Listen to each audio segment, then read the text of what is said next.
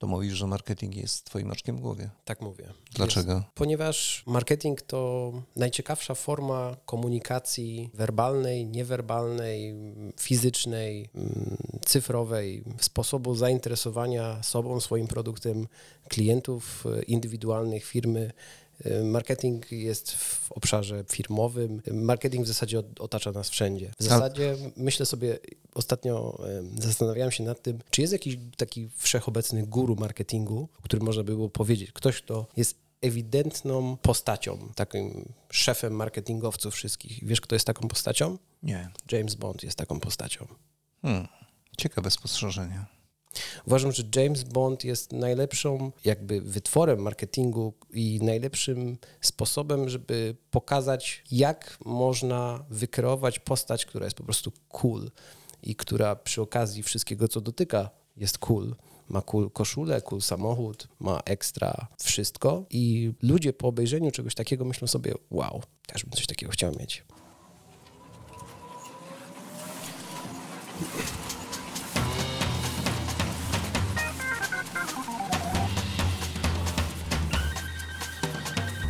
Niezbędnik poligrafa Mirosław Pawliński. Witam wszystkich bardzo serdecznie, a po drugiej stronie stołu siedzi Wojciech Mataczyński, czyli krótko rzecz biorąc Heidelberg Polska, osoba, która odpowiada za wszystko to, co się dzieje od strony marketingu tej firmy. Witam Cię Wojtku bardzo, bardzo serdecznie w nowym roku 2023.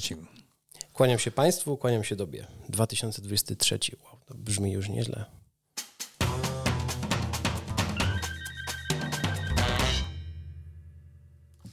Powiedziałeś na wstępie, że marketing nas otacza. Co znaczy otacza?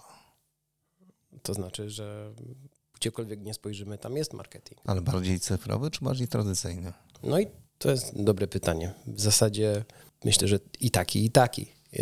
I to jest coś pozytywnego, a jeszcze bardziej pozytywnego, jak te marketingi się ze sobą łączą. Jednak wyobrażam sobie sytuację, w której człowiek budzi się bez pamięci, wychodzi z jakiegoś łóżka i rozgląda się dookoła, w nowym świecie dla siebie i otacza go co? Marketing, wszędzie. On o nim wcześniej mógł nie wiedzieć, ale teraz widzi reklamę, nie wiem, proszków, kremów, samochodów, wszystkiego w zasadzie. A w naszej poligrafii powiedz, jak ważny jest marketing? Bardzo istotny. Wiesz, to nie jest takie proste pytanie, bo, bo poligrafia jednak trzyma się tej formy tradycyjnej, ale, no właśnie jest to ale. To jest bardzo ciekawe zagadnienie, ponieważ poligrafia, w zasadzie drukarnie poligraficzne są sprawcami albo współwinni są marketingowi wszelkich produktów. W zasadzie, jak sobie pomyślimy o najpiękniejszych opakowaniach, najpiękniejszych czasopismach, nie wiem, książkach, w zasadzie wszystkim, co wydrukowane, no to, to właśnie zostało to stworzone dzięki poligrafii. I to właśnie jest bezpośrednią przyczyną tego, że ktoś, kto nie znał jakiegoś produktu, podnosi go z półki. To bezpośrednio ci drukarze są odpowiedzialni za to, że coś tak pięknego powstało. A jednak troszkę zapominają o, o samych sobie, trochę zapominają o tym, że siebie również trzeba zareklamować. No wiesz, szef bez butów chodzi, nie? Tak, tak. No jest takie przysłowie tak przecież. Tak mówię, jak najbardziej. No bo jednak jakby na to nie patrzeć, wiesz co, my też bardzo dokładnie przyglądamy się temu, jak działają drukarnie w Polsce i ogromna ilość tych drukarni nie promuje swoich działań w sposób tradycyjny. To jest trochę zaskakujące. Tak. Nie promuje w sposób tradycyjny, nie promuje w sposób nietradycyjny. Podejmuje świadomą decyzję tego, że woli, nie wiem, nawet nie mieć szyldu czasami. Być po prostu niezauważalna. Nie wiem dlaczego. No ale wiesz, to niezauważalne. No, trudno powiedzieć o drukarni, że jest, skoro nawet nie ma strony internetowej, albo inaczej ma stronę internetową, ale postawioną w 2003 roku. Dokładnie. Nie no. No i to jest najfajniejsze.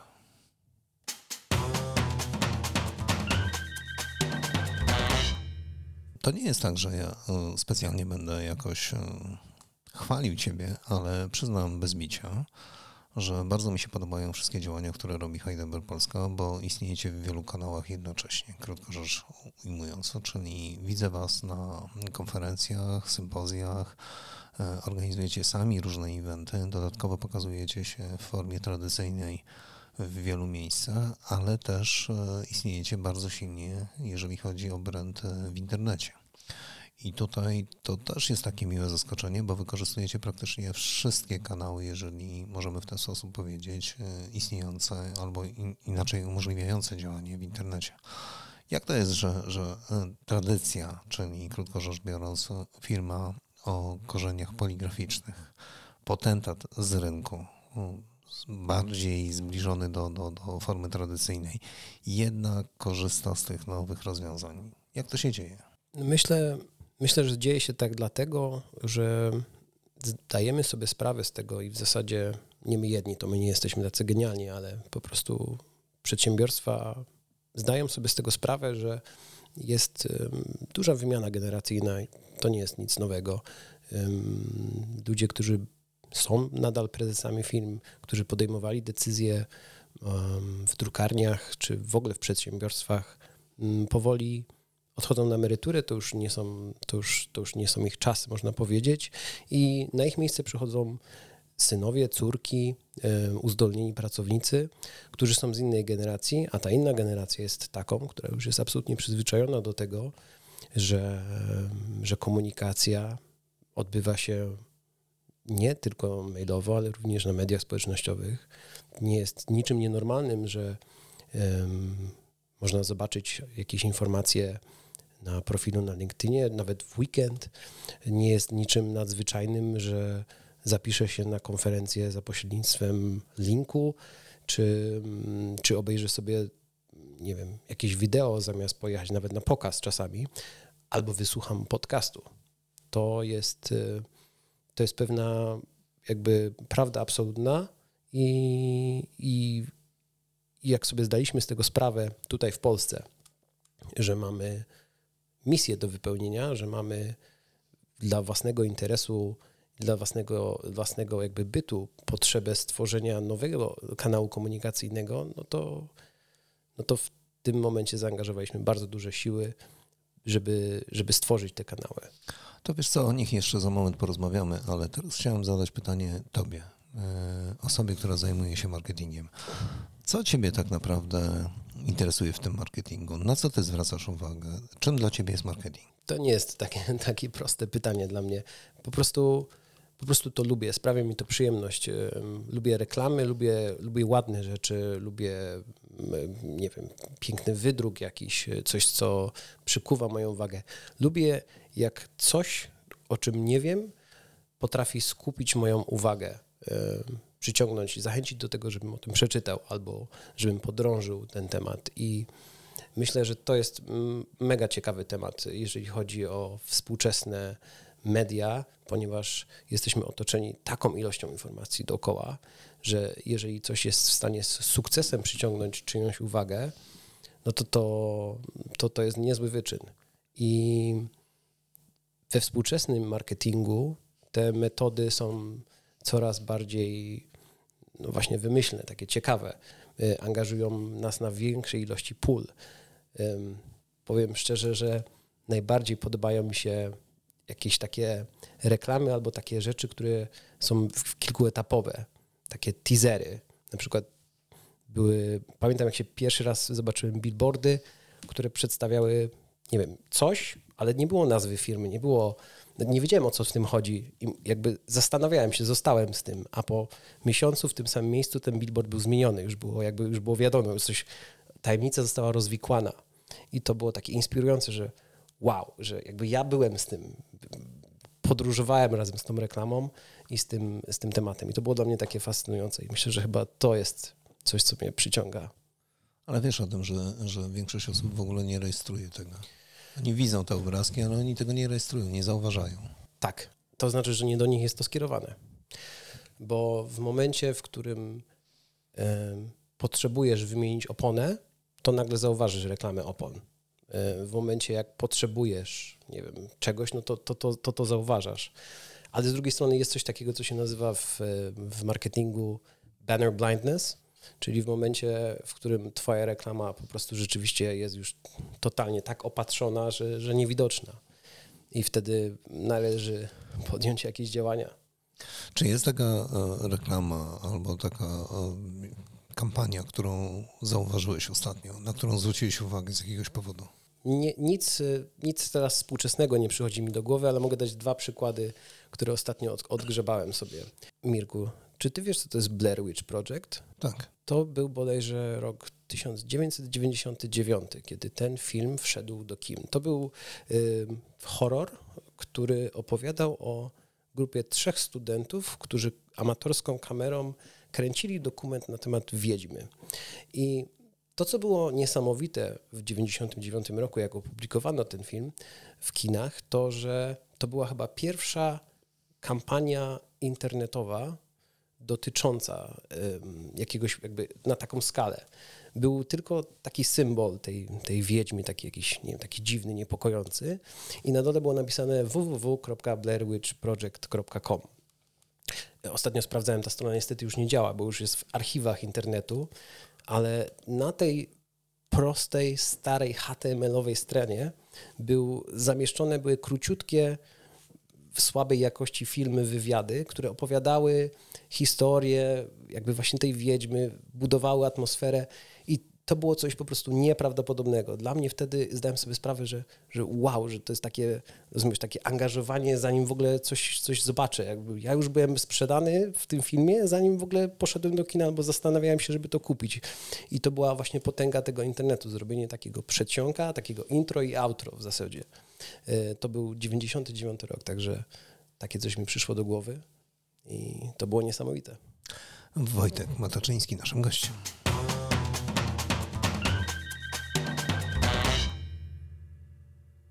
Drogi Wojtku, kampanie HDB Polska robią wrażenie, naprawdę. Ja przyglądam się im trochę i jestem mile zaskoczony, że, że sięgacie różnych obszarów, bo mm, ostatnio bardzo mi się podobał na przykład materiał, który był przygotowany w drukarni Preston. Dzięki, bardzo, bardzo miło nam to słyszeć. To był, to był ekstra projekt. Muszę przyznać że rzeczywiście, że świetnie się przy nim bawiliśmy e, razem z Prestonem. Myślę, że jakby akurat ten konkretny projekt, przy, który przytoczyłeś, e, dotyczył um, współpracy, biznesu, firmy i młodzieży i to na takim etapie jeszcze przed studiami, przed techniką, przed podejmowaniem w zasadzie decyzji na temat tego, jaka będzie ta ścieżka kariery.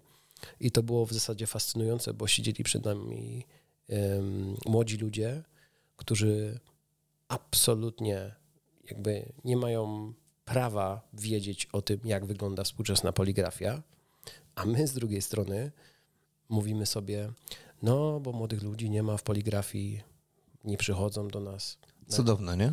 Ale co my z tym robimy? My to musimy, jest cudowne. Dokładnie, bo trzeba spojrzeć e, prawdzie w oczy i pomyśleć sobie w ten sposób. Młody człowiek, który ma 16-17 lat, może nie do 20 lat, chce zostać gwiazdą YouTube'a i być może takie rzeczy robić, bo, bo widział to, bo to jest jakaś droga na, na skróty, bo to mu się to wydaje e, jakimś ciekawą rzeczą. Wziąłem do ręki telefon, wiesz co, i, i wiem jedną drobną rzecz, że e, generalnie młodzież ma ograniczony świat do tego małego ekranu. Absolutnie, absolutnie. Ich ograniczeniem jest ewentualny zasób prądu bądź Wi-Fi. To wszystko. Dokładnie.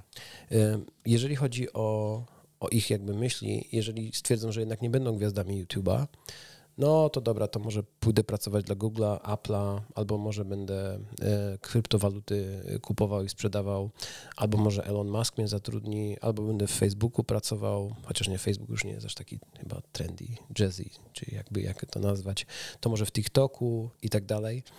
No i znowuż, ale gdzie tu jest ta nasza poligrafia? Dokładnie. Nie ma. Nie ma. A nie ma jej dlatego, że zarówno ten młody człowiek, jak i jego rodzice mają wyobrażenie o poligrafii następujące. To jest brudny pan w ciemnej piwnicy, drukujący na jakiejś osmaranej maszynie i to, i to pewnie ma jeszcze jakąś pylicę. To, to Ołowice. Nie. Ołowice, dokładnie. To nie, to, to nie. To taka przyszłość dla mojego syna, dziecka, to ja takiego czegoś nie chcę. No ale wiesz, to znowu pokazuje, że ten projekt y, zaprezentował, krótko rzecz biorąc, poligrafię zupełnie w inny sposób. Ci młodzi ludzie y, inaczej spojrzeli na to wszystko. Zresztą ich pytania były dosyć interesujące. Tak. Polecam Państwu obejrzeć te, te trzy odcinki, bo są naprawdę rewelacyjne. Ale to też pokazuje jedną drobną rzecz, że my sami zapominamy w tym wszystkich, w tych wszystkich działaniach o tym, żeby trochę więcej komunikacji skierować na zewnątrz, o tym, kim jesteśmy i tak naprawdę co robimy i dlaczego to robimy. Dokładnie. I to jest, to jest niesamowicie istotne w tym wszystkim, ponieważ my, my wiemy, jak wygląda pornografia. My sobie zdajemy z tego sprawę, że jest ultra nowoczesna i w wielu przypadkach jest absolutnie ostrzem włóczni, która, która jakby przebija te technologiczne bariery, bo naprawdę te maszyny, urządzenia, a przede wszystkim software, to, to, jest, to jest absolutnie światowa czołówka. Y, ale, ale no, nie, poza nami nikt tego niestety nie wie. I jak rozmawialiśmy z tą młodzieżą w trakcie przerwy i mówiliśmy im na przykład o Prinekcie i mówiliśmy, że słuchajcie, to jest, to jest taka przestrzeń dla młodego człowieka, którą będzie mógł sobie dowolnie uformować, jakby odnaleźć sobie coś, co go interesuje, czy to w sferze programowania, projektowania, e, planowania. To są naprawdę super rzeczy. A Nowoczesne narzędzia, po prostu. Absolutnie. I, I co się z tym wiąże? One wymagają specjalistów, a ci specjaliści są naprawdę dobrze opłacani. I to też jest bardzo istotne i ważne do powiedzenia. To są atrakcyjne miejsca pracy dla młodych ludzi i atrakcyjne e, miejsca do rozpoczęcia, kontynuowania kariery i nawet kontynuowania dalej gdzieś indziej, jeżeli będzie taka potrzeba, ale, ale z całą pewnością poligrafia i, i, i, i takie doświadczenia związane ze wszystkim, co opakowane, ze wszystkim, co wydrukowane, to no, tylko pozazdrościć. Wiesz co, zachęcamy oczywiście do tego, żeby, żeby Państwo obejrzeli te wszystkie trzy części. Natomiast powiedz mi, co się działo już po nagraniu, jak już się nagranie skończyło, bo tego nie widać, tego nie było w żadnym materiale, ale jak mógłbyś e, powiedzieć, e, uchylić tego rąbka tajemnicy, jakie były komentarze, o czym żeście rozmawiali z młodzieżą właśnie po realizacji tego materiału? Po realizacji materiału, e, oczywiście też jak już kamera nie nagrywała, no bo to było odrobinę mm, peszące. Trudno się dziwić, no i tak podziwiam podwagę tych młodych ludzi, że, że potrafili zadawać takie pytania i, i chcieli y, angażować się, ale rzeczywiście w momencie, jak kamera przestała kręcić, no to y, przeszliśmy na spokojnie tą maszynę, opowiedzieliśmy, jak to wygląda, pokazywaliśmy elementy software'u i tam, tam po prostu było widać takie duże zdziwienie, takie, takie ewidentne, że wow, nie? No, zupełnie, zupełnie tak sobie tego nie wyobrażałem. Gdzieś tam trochę słyszałem, być może trochę, e, trochę Prestony im, im zapowiedziały, że zobaczą coś nowoczesnego, ale, ale myślę, że, że ta młodzież e, mm, była w takim naprawdę porządnym szoku, jak wygląda poligrafia i jak bardzo rozminęło się e, ich oczekiwanie do tego, co zastali na miejscu. I, i myślę, że z całą pewnością nam też dało takie to poczucie, że to nie był, to nie był jednorazowy projekt i my nie tyle, że chcemy, ale mamy pewien obowiązek, żeby coś takiego kontynuować. Ale pamiętam też jeszcze inny projekt, taki, który poruszył temat Półtowskiego. Tak, to, to, to był projekt, który zrobiliśmy w drukarni w Kielcach przy diecezjalnej drukarni prowadzonej przez księdza Leszka Skorupę. Pomysł był na to, żeby nagrać drukarnię i nagrać, trochę pokazać, jak, jak, jak pracują, jak wyglądają. Oczywiście też pokazać maszyny Heidelberga. Natomiast przy okazji powstawania tego projektu powstał pomysł, żeby opowiedzieć o, o polskiej czcionce Adama Półtaskiego, pierwszego dyrektora drukarni Kielce i, i w zasadzie niesamowitej historii tej drukarni. I to jest ten projekt i ten przykład, który teraz dałeś, to jest jakby takie coś niesamowitego. Dla mnie to jest właśnie jeden z powodów, dla których naprawdę uwielbiam swoją pracę i, i, i te projekty, i tą nowoczesną część marketingu, którą się zajmujemy, bo my nie tyle opowiadamy i, i, i sprzedajemy Heidelbergi i, i, i zalety, my pokazujemy transformację przedsiębiorstw na przestrzeni lat i pokazujemy historie, które można by było stwierdzić, że jakby no, no dotychczas nikt tego nie robił u nas, nie, nie opowiadał w ten sposób. A to są przecież niesamowite historie. Nawet nie, nie, sama, nie sama też historia tak długa y, drukarni w Kielcach, nawet rodzinne historie. Przychodzi mi do głowy AZ Color z Ostrołęki, czy MDM, to są, to są zawsze, czy Prestony nawet, czy, czy różne inne drukarnie, które gdzieś tam nagrywaliśmy.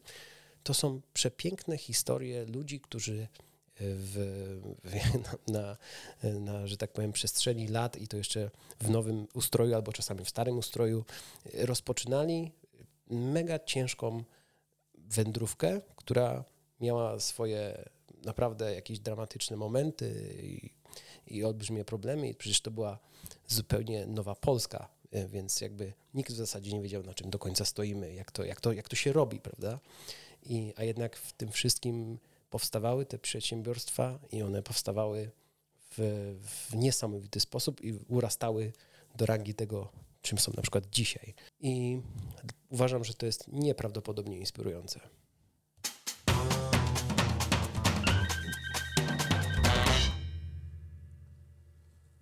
To jak wybierasz narzędzia? Skoro już widzisz jakiś projekt, coś ci świta w głowie, jakiś pomysł, to, to jak wybierasz narzędzia do tego wszystkiego? Przede wszystkim chciałbym powiedzieć coś takiego. Trzeba być świadomym, że kanały, którymi dysponujemy, są różnymi kanałami. Na naszym przykładzie powiem, że mamy Instagrama, Facebooka, LinkedIna, możemy wysyłać maile, możemy tworzyć własne strony internetowe, landing page, możemy robić reklamy na różnego rodzaju y, portalach. Y, także możemy też korzystać tradycyjnie z, mm, z poczty w zasadzie czegoś wydrukowanego i wysłanego do klientów. Możemy też oczywiście wyposażyć naszych handlowców w coś. Czyli tych kanałów jest mnóstwo. I trzeba sobie zdać sprawę, że każdy kanał jest inny. To jest oczywiście to, to nie jest nic odkrywczego, ale szczególnie w tej części cyfrowej, to, to są zupełnie inni ludzie. Zupełnie inni ludzi spotkamy na Facebooku, na naszym fanpage'u, na Instagramie czy na LinkedInie. Zupełnie czego innego będą chcieli usłyszeć czy zobaczyć, i, a my również co innego chcemy czasami im pokazać i przekazać. I to jest, i ta świadomość jest pierwszą i podstawową ważną rzeczą przy tworzeniu różnorakich kampanii. Drugą bardzo, bardzo chyba najważniejszą rzeczą dla każdego, kto zajmuje się marketingiem, jest to, że nic na siłę. To, że w jakichś poradnikach, czy tam w czymkolwiek ludzie mówią, że tak, no trzeba zrobić tam co trzy dni, najlepiej o tych, o tych godzinach, coś to. Okej, okay, to, są, to są pewnie wszystko półprawdy jakieś, ale jeżeli chcemy stworzyć materiał tylko dlatego, żeby powiedzmy tworzyć go co dwa dni albo co trzy dni i to jest po prostu coś takiego wyplutego, to, to nie róbmy tego. To lepiej, lepiej napiszmy o czymś albo opublikujmy coś raz na, nie wiem, tydzień czy dwa, zależnie od naszych sił przerobowych, ale niech to będzie z sercem, niech to będzie dobre i niech to będzie coś takiego, po czym jakby nasi respondenci w jakiś sposób urosną, będą mieli, wyjdą z czymś, coś, coś to im da. Napisanie, że nie wiem, mamy coś tam, albo pokazanie przysłowiowego menu, no to, to, to, nie jest, to nie jest fajna informacja. To jest, to jest informacja, która zginie po, pośród y, miliona innych informacji, które... Ale mimo wszystko zalecałbyś albo polecałbyś jednak formę tradycyjną wykorzystywać? Polecałbym mieszać te formy. Wrócę tutaj do tego Blair Witch Project znowu, o którym rozmawialiśmy wcześniej.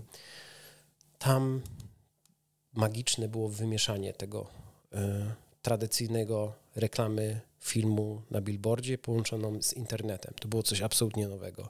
I w momencie, w którym klient może odkrywać jakby nowe aspekty, albo to jest wszystko połączone i to, to ma jakiś sens, jakby, albo jakąś kontynuację, ta informacja czy ta reklama jest o tyle bardziej wartościowa.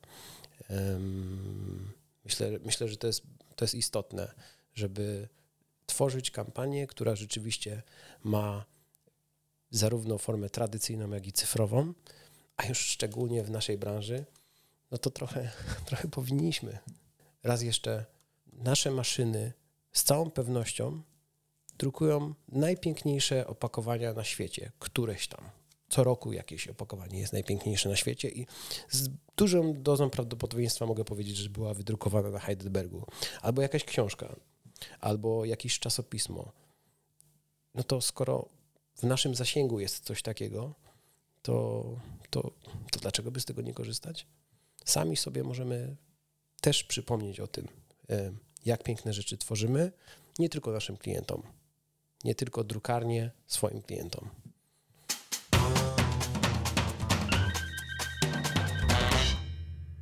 To Twoim zdaniem poligrafia cierpi na, na marketing, czy, czy jednak marketing to jest coś, z czego korzysta?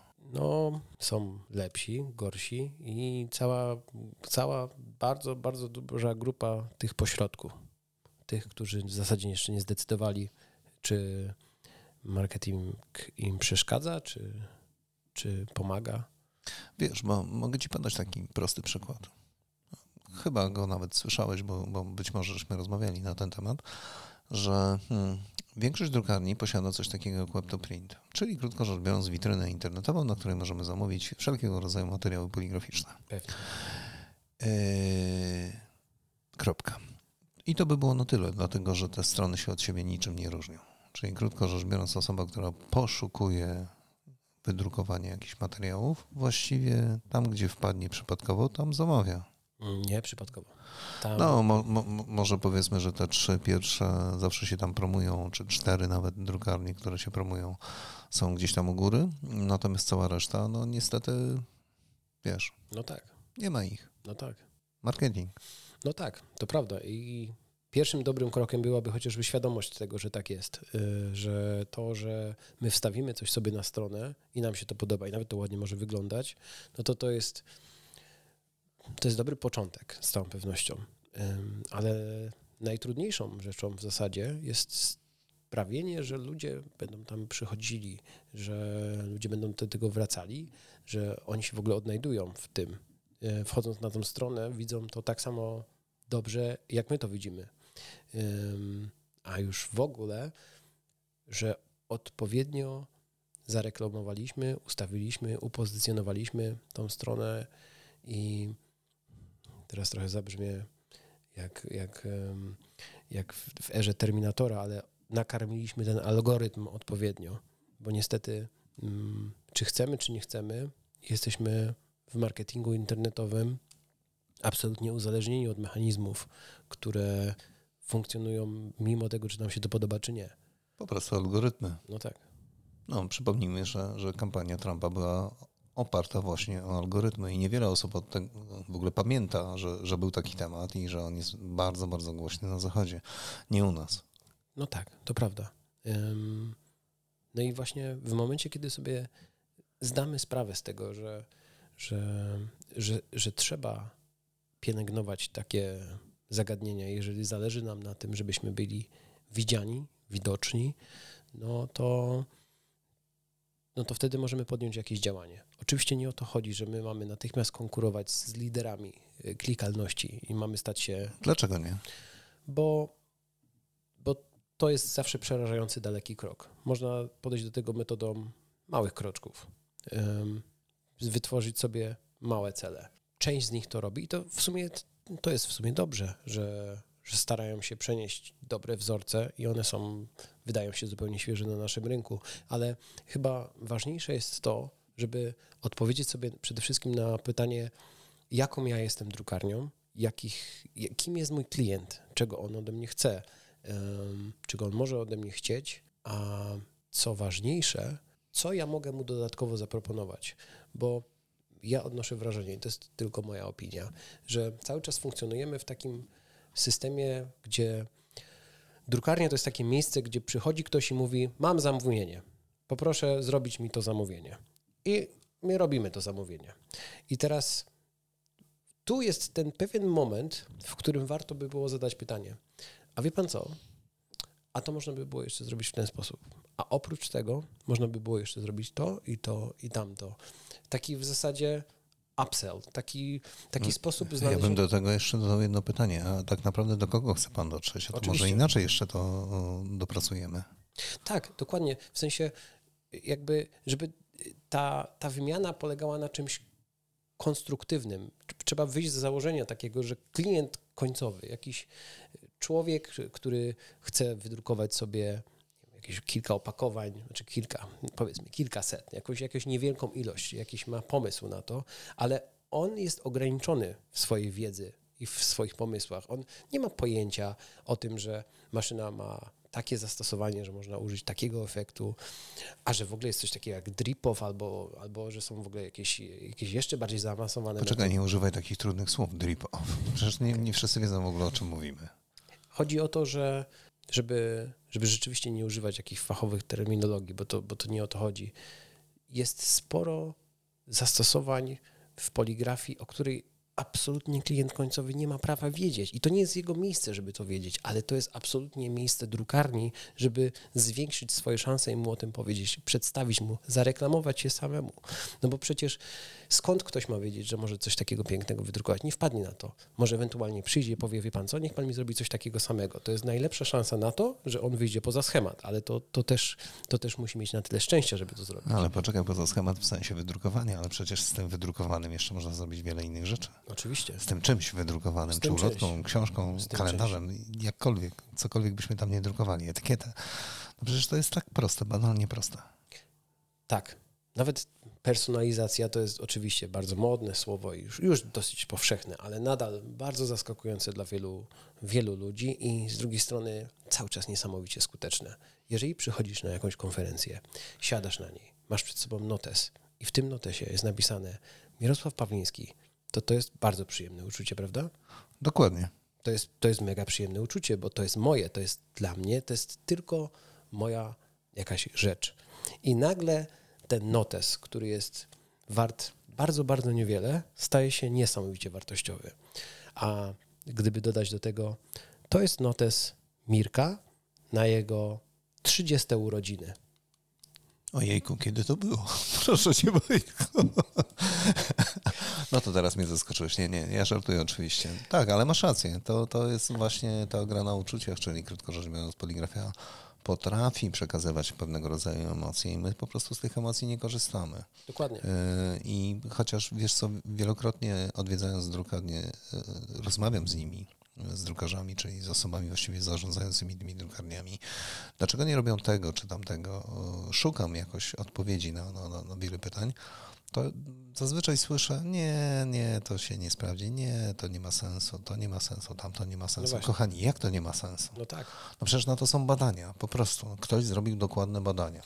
Ktoś sprawdził, jak ten rynek funkcjonuje. Ktoś sprawdził, jak działa ulotka tradycyjna, którą wrzucamy do, do skrzynki i ta ulotka wysłana mailem. Nie wiem, czy wiesz, ale Wojtku, były publikowane badania z końca nie zeszłego roku, tylko dwa lata temu, czyli 2021 rok z grudnia. I porównanie właśnie mailingu tradycyjnego do mailingu mm, elektronicznego. No i okazało się, że mailing tradycyjny na biurku wytrzymuje 7 dni. Od 5 do 7 dni w Polsce. Natomiast mm, mailing elektroniczny znika po 30 sekundach. No, tak. no i to jest właśnie ta siła tradycji.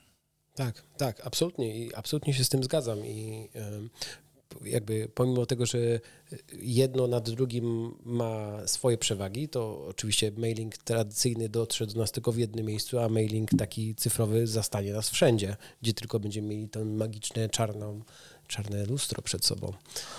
Dokładnie. Naszym gościem Wojciech Mataczyński, Heidelberg Polska. Wojtku, bardzo Ci dziękuję za dzisiejszą rozmowę i mam nadzieję, że będzie ciąg dalszy. A Państwa zachęcam do tego, żebyście przesyłali nam dowolne pytania, jeżeli chodzi o obszar marketingu, bo Wojtku, zgodzisz się odpowiedzieć na niektóre? Z przyjemnością. Dziękuję Ci za dzisiejszą rozmowę. Dziękuję Tobie, dziękuję Państwu.